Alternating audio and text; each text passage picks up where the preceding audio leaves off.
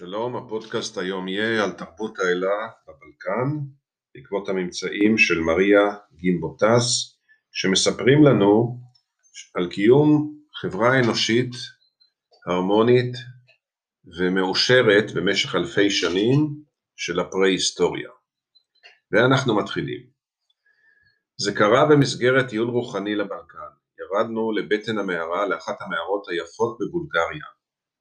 אולם ענק שבו גר האדם הקדמון, כמו גם מיני חיות אחרות ומיליוני עטלפים. באחת מפינות המערה היה פתח בקיר שלתוכו נדחקנו, צר כדי מעבר אדם אחד בלבד.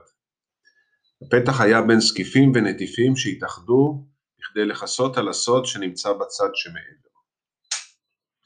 לאחר שעברנו בפתח הצר, ירדנו כמה מדרגות אל אולמות לבנים שנמשכו במסדרון ארוך אל בטן האדמה.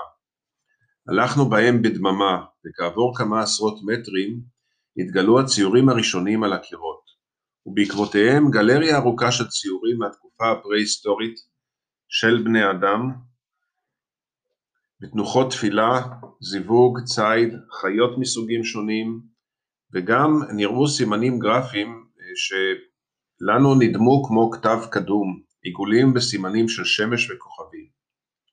הציורים על הקירות נעשו בחומר שחור, כנראה צואת עטלפים, על גבי הקירות הלבנים, והם היו מפעימים ומרגשים.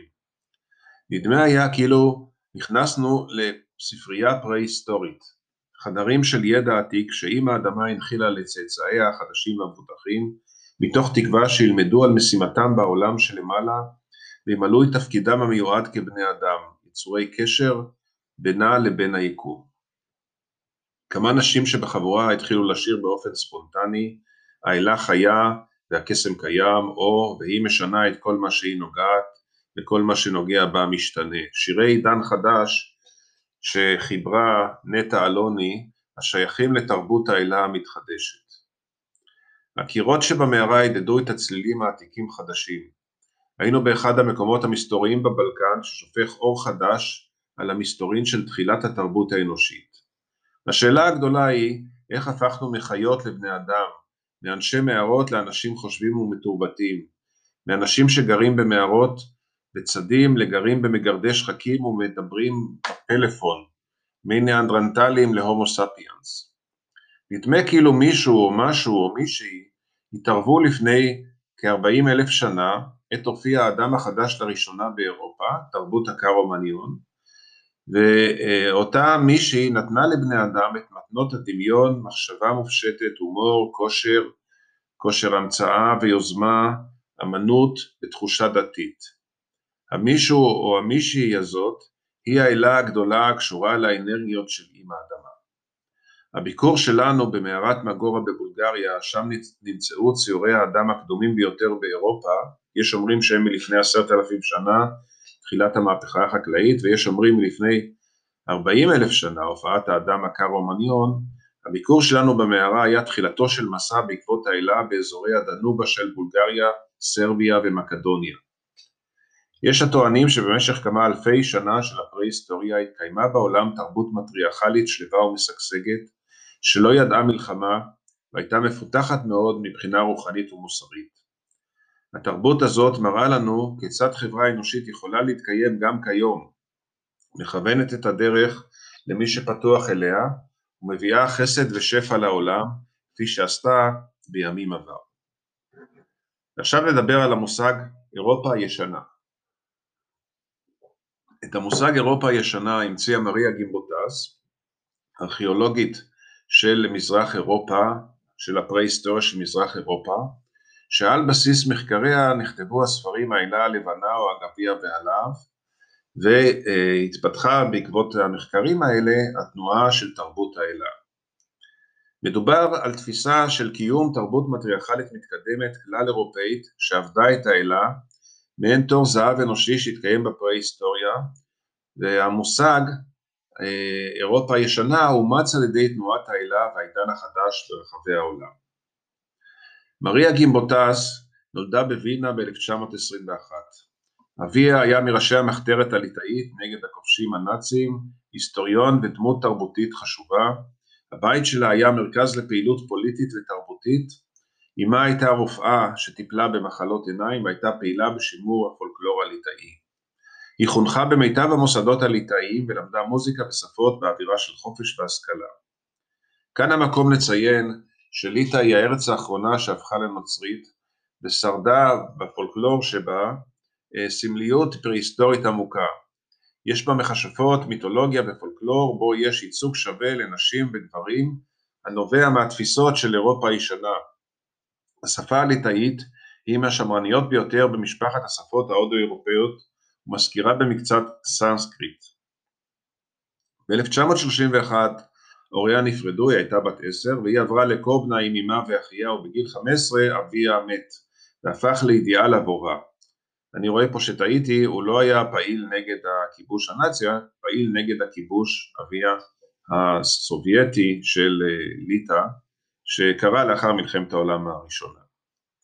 היא הייתה פעילה נגד הכיבוש אה, הנאצי, אבל זה סיפור אחר, היא הצילה יהודים בשואה, לא פעילה באופן אקטיבי, אלא אה, פועלת כנגד העוולות של המשטר. חייה כחוקרת התחילו אה, בגיל 15, נפתחה בתשוקה עזה ללמוד על המסורות העתיקות, מוות, קבורה פרה-היסטורית, השתתפה בתור נערה צעירה בת 19 במסעות גילוי אתנוגרפיים, אתנוגרפיים בעומק הארץ, ישבה עם אנשים הזקנות, מתעדת את סיפוריהן ושיריהן, והתחילה לאסוף אוסף של מסורות מרשים.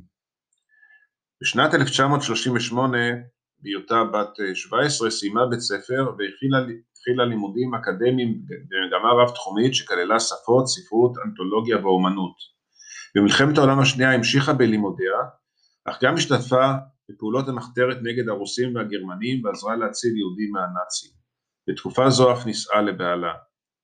ב-1942 השלימה לימודי מאסטר בארכיאולוגיה בנושא חיים לאחר המוות באמונות של ליטא הפרה-היסטורית. עם בוא הסובייטים לליטא היא ברחה לאוסטריה וגרמניה, היא נרשמה באוניברסיטה הגרמנית והשלימה את הדוקטורט ב-1946 בנושא קבורה בליטא בתקופה הפרה-היסטורית. בשנת 1949 היגרה המשפחה לארצות הברית. השנים הראשונות היו קשות, היא עבדה כעוזרת בית, ומאוחר יותר מצאה איכשהו עבודה בהרווארד, וקיבלה תמיכה בפרסום ספרה הפרה-היסטוריה של מזרח אירופה שיצא לאור בשנת 1956. אה, גימבוטס הפכה מהר מאוד למומחית ושם דבר בארכיאולוגיה והפרה-היסטוריה של אירופה. התשוקה שלה היה לפתור את החידה ההודו-אירופאית, מאין הגיעו ההודו-אירופאים, מי הם, ידעה שפות רבות וקראה קרוב לוודאי את כל הספרות הקיימת. לא הייתה חפירה ארכיאולוגית שהתחמקה מתשומת ליבה. הודות למעמדה ומיקומה בבוסטון התאפשרה לה גישה לספרייה הטובה ביותר בעולם בתחום זה, והיא הייתה הראשונה ששילבה מחקר לשוני עם מידע ארכיאולוגי כדי לגלות את מקור האנשים הללו ההודו-אירופאים שהיא קראה להם קורגן, לגלות אותם לפי התוואים הלשוניים. היא הגיעה למסקנה שמקור ההודו-אירופאים הוא הערבות הרוסיות, וההודו-אירופאים זה כל העמים שמכניסים כיום את אירופה, את איראן, את הודו, את uh, טורקיה, והם הגיעו uh, לפני כמה אלפי שנה למקומות שבהם הם יושבים היום. ההצגה הראשונה של ההיפותזה שלה הייתה בקונגרס ברלין ב-1956, וכיום יש אימות לתיאוריות שלה על ידי חוקר גנטיקה מסטנפורד בשם הארוך נטיסיסית לואיג'י לוקה קוואלה. ב-1963 היא התגרשה, קיבלה משרה באוניברסיטה של קליפורניה ועברה לשם עם בנותיה, עם בנותיה פרסמה את הספרים הבלטים והסלאבים, היא, אה, הייתה לה משרה ב-UCLA והיא שיתפה פעולה עם אדם שקוראים לו פובל והם יצרו שם מוסד לארכיאולוגיה, תוכנית ללימודי ההודו-אירופאים וקידמו לימודים סלאבים ובלטים כולל שפה. למרות שהיא עבדה בארצות הברית, היא הורשתה לבקר בברית המועצות ובגוש המזרחי עוד בזמן אה, מסך הברזל כפרופסור אורח. נקודת מפנה בחיים ובקריירה שלה הייתה שהתחילה חפירות עצמאיות בדרום מזרח אירופה, זאת אומרת בבלקן, ב-1967. היא התחילה לחפור באתר בוטמיר ליד סרייבו, וביקרה בכל מוזיאון שבו היו ממצאים נאוליטיים מהתקופה של החקלאות, מהתחלת החקלאות, עשרת אלפים לפני הספירה עד תחילת ההיסטוריה, 4000 לפני הספירה במזרח אירופה, בכל מוזיאון נאוליטי, והתחילה להבין מה קרה באירופה לפני בוא האירופאים, ההודו-אירופאים, סליחה. לאט לאט התגלה לה סיפור תרבות האלה והמציא את מושג אירופה הישנה. החל מ-1968 היא חברה בקרנובו בבולגריה, תל שקיים כבר 7,000 שנה, בסיטגרוי במקדוניה, בסטרצ'בו ובווינצ'ה שבסרביה על חוף הדנובה לא רחוק מבלגרד. בנוסף על כך היא חפרה גם באנזה במקדוניה, בססקלו ואחי ליונוק שבטסליה היוונית וגם באיטליה במערת סקלוריה ובכל המקומות האלה היא מצאה פסלונים של אלות, מעל 500 פסלונים וראתה גם אלפים מהם במקומות אחרים, זאת אומרת היא עצמה מצאה לבד מעל 500 פסלונים של אלות וראתה בשיטוטים שלה במוזיאונים ברחבי מזרח אירופה אלפים אחרים ומה שהתגלה לה זה קיום תרבות אנושית מתקדמת, מתקדמת ומתוחכמת בפרה-היסטוריה שלה דת מסוג אחר, דת שמתרכזת אה, באלה. לצורך הבנה של הדת המציאה מושג חדש שנקרא ארכי-מיתולוגיה והתחילה להשתמש בשיטות חדשות הכוללות דת השוואתית, מיתולוגיה, שפה והיסטוריה ביחד עם ארכיאולוגיה. וכך היא פרסמה ספר ראשון שמפרט את תפיסת עולמה שנקרא האלים והאלות של אירופה הישנה 7,000 עד 3,500 לפני הספירה. הספר יצא לאור ב-1974 ומאוחר יותר הוא נכתב מחדש תחת הכותרת Myth and Cult Image The Goddess and Gods of Old Europe. בשלב זה היא נתקלה בהתנגדות של הממסד המדעי. הפרשנות של דת ואידיאולוגיה פרה-היסטורית נחשבה לטאבו. בעזרת הפולקלור, בעזרת הארכי-מיתולוגיה שהיא אה, פיתחה, אה, בעזרת הדת השוואתית, היא נתנה פרשנות אה, לאמונות של האנשים שהחזיקו באותם פסלים. הדרך שבה היא הגיעה למסקנות נחשבה ללא מדעית, ואכן היא נשענה במידה רבה על אינטואיציה, ואפשר אף להגיד תקשור, אבל זה לא פוסל את המסקנות שלה. מריה גימוטס הייתה חוקרת מאוד קפדנית ויסודית, וכל התגליות הגדולות בהיסטוריה נעשו בעזרת אינטואיציה. הממצאים שנתגלו בזמן האחרון בישראל בשער הגולן תומכים בהיפותזות שלה.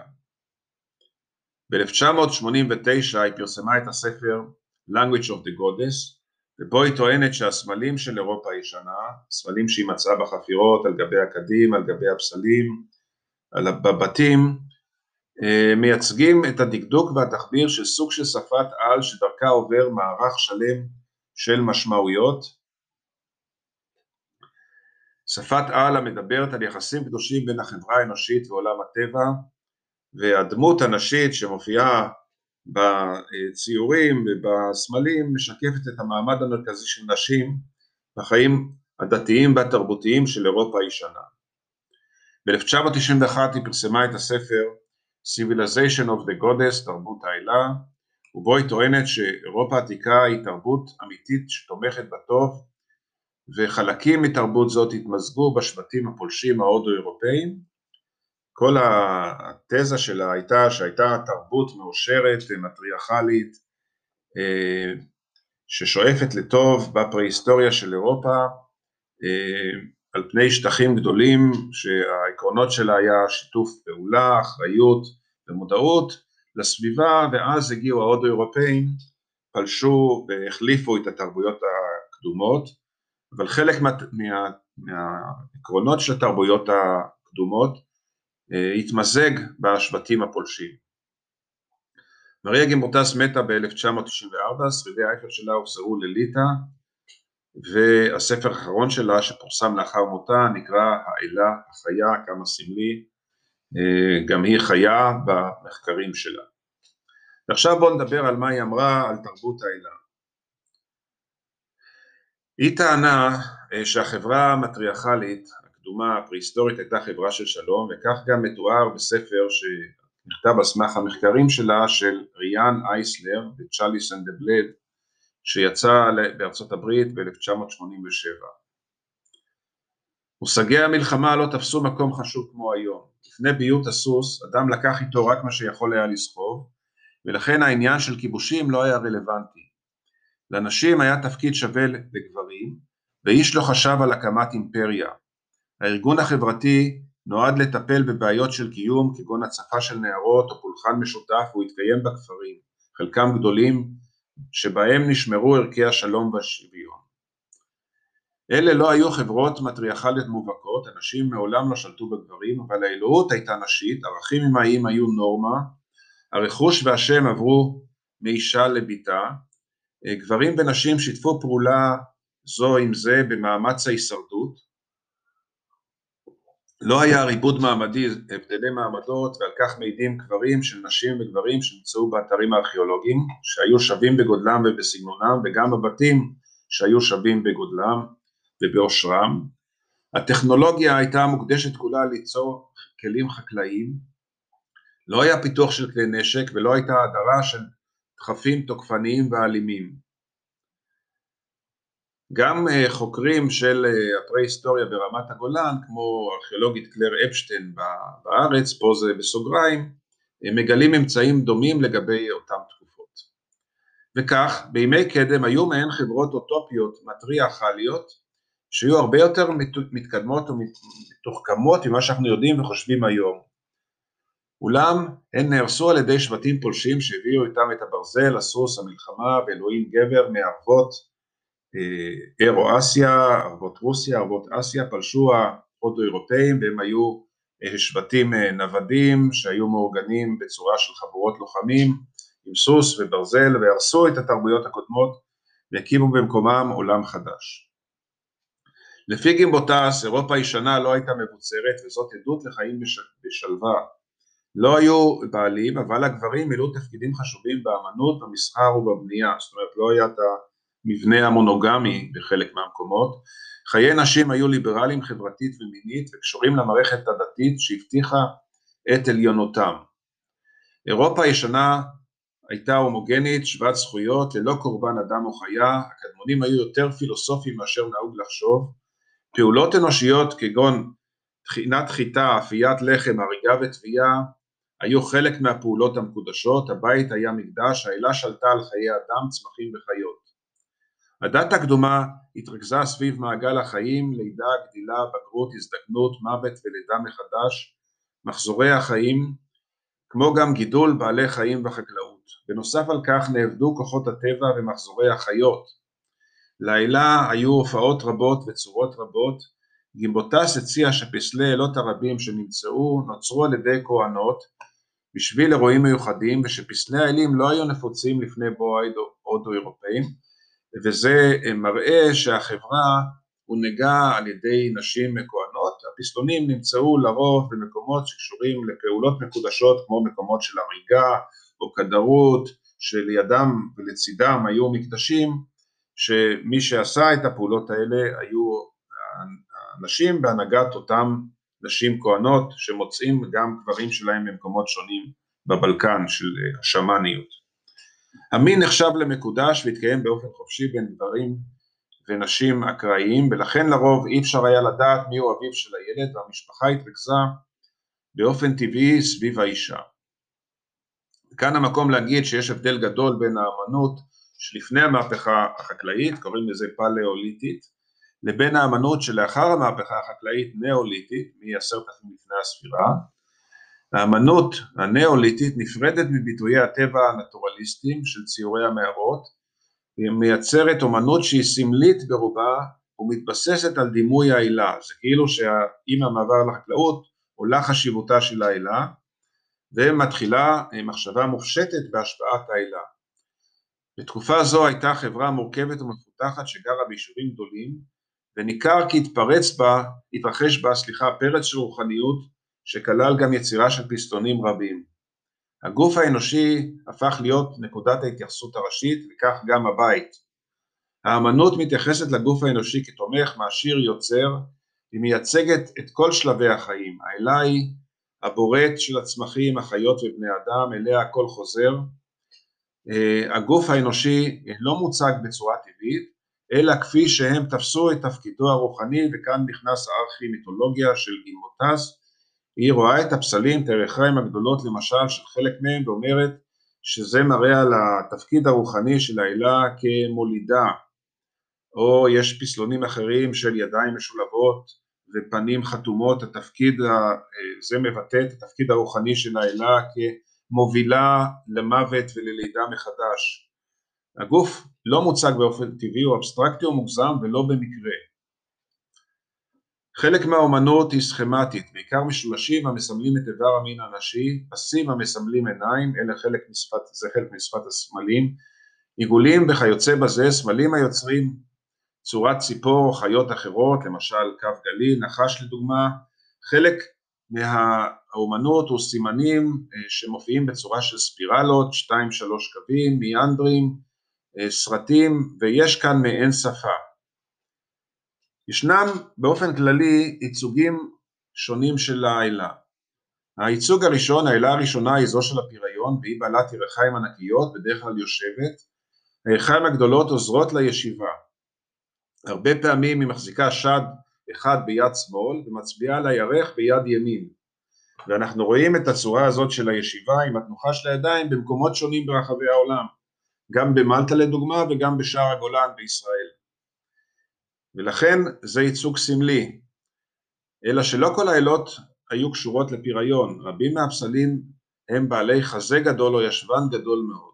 החזה מסמל את הכוח המזין והמחיה, ששד אחד מזין והשני מחיה, שד אחד מרפא והשני מזין. לעתים זהו סמל לנתינת חיים בתזונה. לעתים החזה קטן והישבן והאגן מודגשים, הישבנים כפולים ולכן הם בעלי עוצמה והם מייצגים את בית ההולדה, להפוך אחד לשתיים של האלה. לעתים הם בצורת ביצה שנותנת חיים, לעתים יש להם שני קווים וזהו סמל לאדם אחד שנהיה שניים בזמן ההיריון. הווגינה מודגשת כמשולש, כעיגול, ולעתים כניצן או ענף והיא נותנת חיים. לעתים האלה מופיעה בדמות כפולה, כאילו שני אנשים צמודים יחד, המר... או, או פסל שיש לו שני פנים, המרמזת על שני הצדדים של הנשיות, צעירה וזקנה, מזרח ומערב, חיים ומוות. במקדשי מלטה, שהיו מקדשים של תרבות מטריארכלית מקבילה לאלה של הבלקן, מוצאים אלות כפולות ודמות ציפור עם ראש כפול. האלה מזוהה הרבה פעמים עם ציפור, גימבוטס מאפיינת למעשה סוג אחד של אלה כאלת ציפור, שלה סימנים מיוחדים על הפסלונים, קוראים להם צברונים, זה מעין אה, זווית כזאת, וראש דמוי ציפור. ישנה גם אלה נחש, וכן אלה הקשורה להתחדשות כמו זו של האביב, או זו שלאחר המוות. היבטים שונים של חיות זוהו עם האלה, ולכן בפסלונים יש ערבוב של החיה והאלה, נחש ודמות אדם, ציפור ודמות אדם, וגם אה, חפצים שונים זוהים מהעילה כמו ביצה שנותנת חיים ולכן יש ערבוב של הפסל עם הביצה או פסל עם דג למשל של אדם עם דג. ישנה עילה הקשורה ללידה וכן קיימת עילה הקשורה לתיאור וריפוי מנחמת ומעודדת. לפנים של העילה צורה משונה, לעתים הם עגולים או שיש להם עצמות לחיים זוויתיות. העיניים מוצבות ונותנות לדמות תחושה של חייזר. לפנים נוספת, אה, לפנים נוספות, סליחה, מסכות של דמויות. המסכה מייצגת את הכוח העל-טבעי של האלה, המצטרף לאדם. ביישובים כמו וינצ'ה וגם בעמק הירדן בישראל נמצאו מסכות חימר וברזל בנות קרוב לעשרת אלפים שנה. ייתכן והמסכות קשורות לחיים לאחר המוות ולהיבט זה של האלה. לעיתים לפסלונים של האלה יש מאפיינים של חיות כגון דוב, חזיר, ציפור, דג, צפרדע, טלה, חזיר, כלב, קיפוד ונחש. האלה מופיעה דרך החיה, אלו הן חיות טוטים. כמו כן לפעמים יש מסכות עם מאפייני חיות ולבישת מסכות עם מאפייני חיות מחברת בין כוחות האדם, האדם, האלה והחיה. למסכות עיני נחש, קרני ראם, מקור ציפור, איתור מקובל בתרבות האלה למשל בווינצ'ה בסרביה או קרני שור, לא רק הקרניים עצמם, אלא הצורה של חצי השר שהן יוצרות. ציפורים קשורות לביצים שהיו סמל ללידה של החי מהמת ולכן הן קשורות גם לאלה. זהו תהליך מופלא של פגיעה של חיים. כמו כן ציפורים נודדות, נעלמות ומופיעות לפי העונות, ולכן ציפור נקשרה לאלה, הדמויות או הפסלונים מערבבות בין אלות וציפורים ספציפיות כגון ברווזים, ברבורים, עורבים, ינשופים, נץ, ציפורי מים. ציפורים נתפסו כנראה בתרבות האלה כמקשרות בין העולמות. לאלת ציפור יש אף דמוי מקור, ולעיתים יש לה ישבן מוגזם וידיים דמויות כנפיים. החורים שבכתפיים בפסלונים היו לצורך הצמדת נוצות ציפור.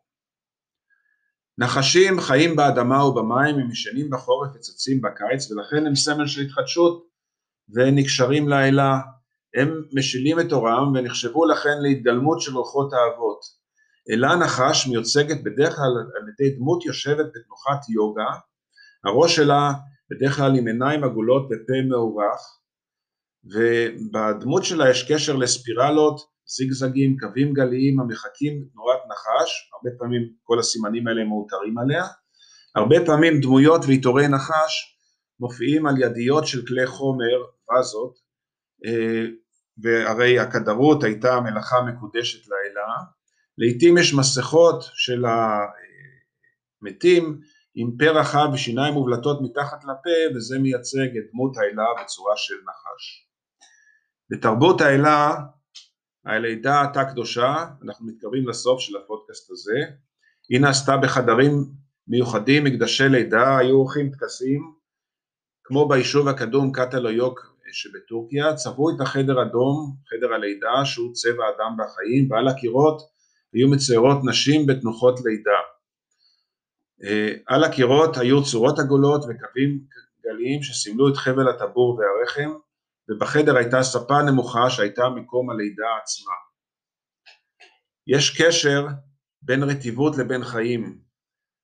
החיים מתחילים בתווך המים של הרחם, ולכן השאלה שולטת על מקורות מים, ויש סמלי מים כמו קווים מקבילים אה, שנקשרים לאלה, וסמל נוסף של האלה אה, הוא רשת שמופיעה במרובעים, מעגלים, משולשים בצורות שונות על וזות וכלים, רשת סימלה גם את מלאכת ההריגה שהייתה מקודשת לאלה וגם את התפיסה הקדומה של ידע אה, שהוא הבנה או אינטואיציה שנקשר לאלה שלמעשה הוא רשת, ידע אמיתי הוא רשת, הוא, הוא חיבור של דברים ואלת הידע המצרית מהתקופות המאוחרות יותר לתרבות האלה נקראה לכן שיאה אלת ההריגה, זה שריד של אמונה מטריארכלית בתוך אה, תרבות היסטורית.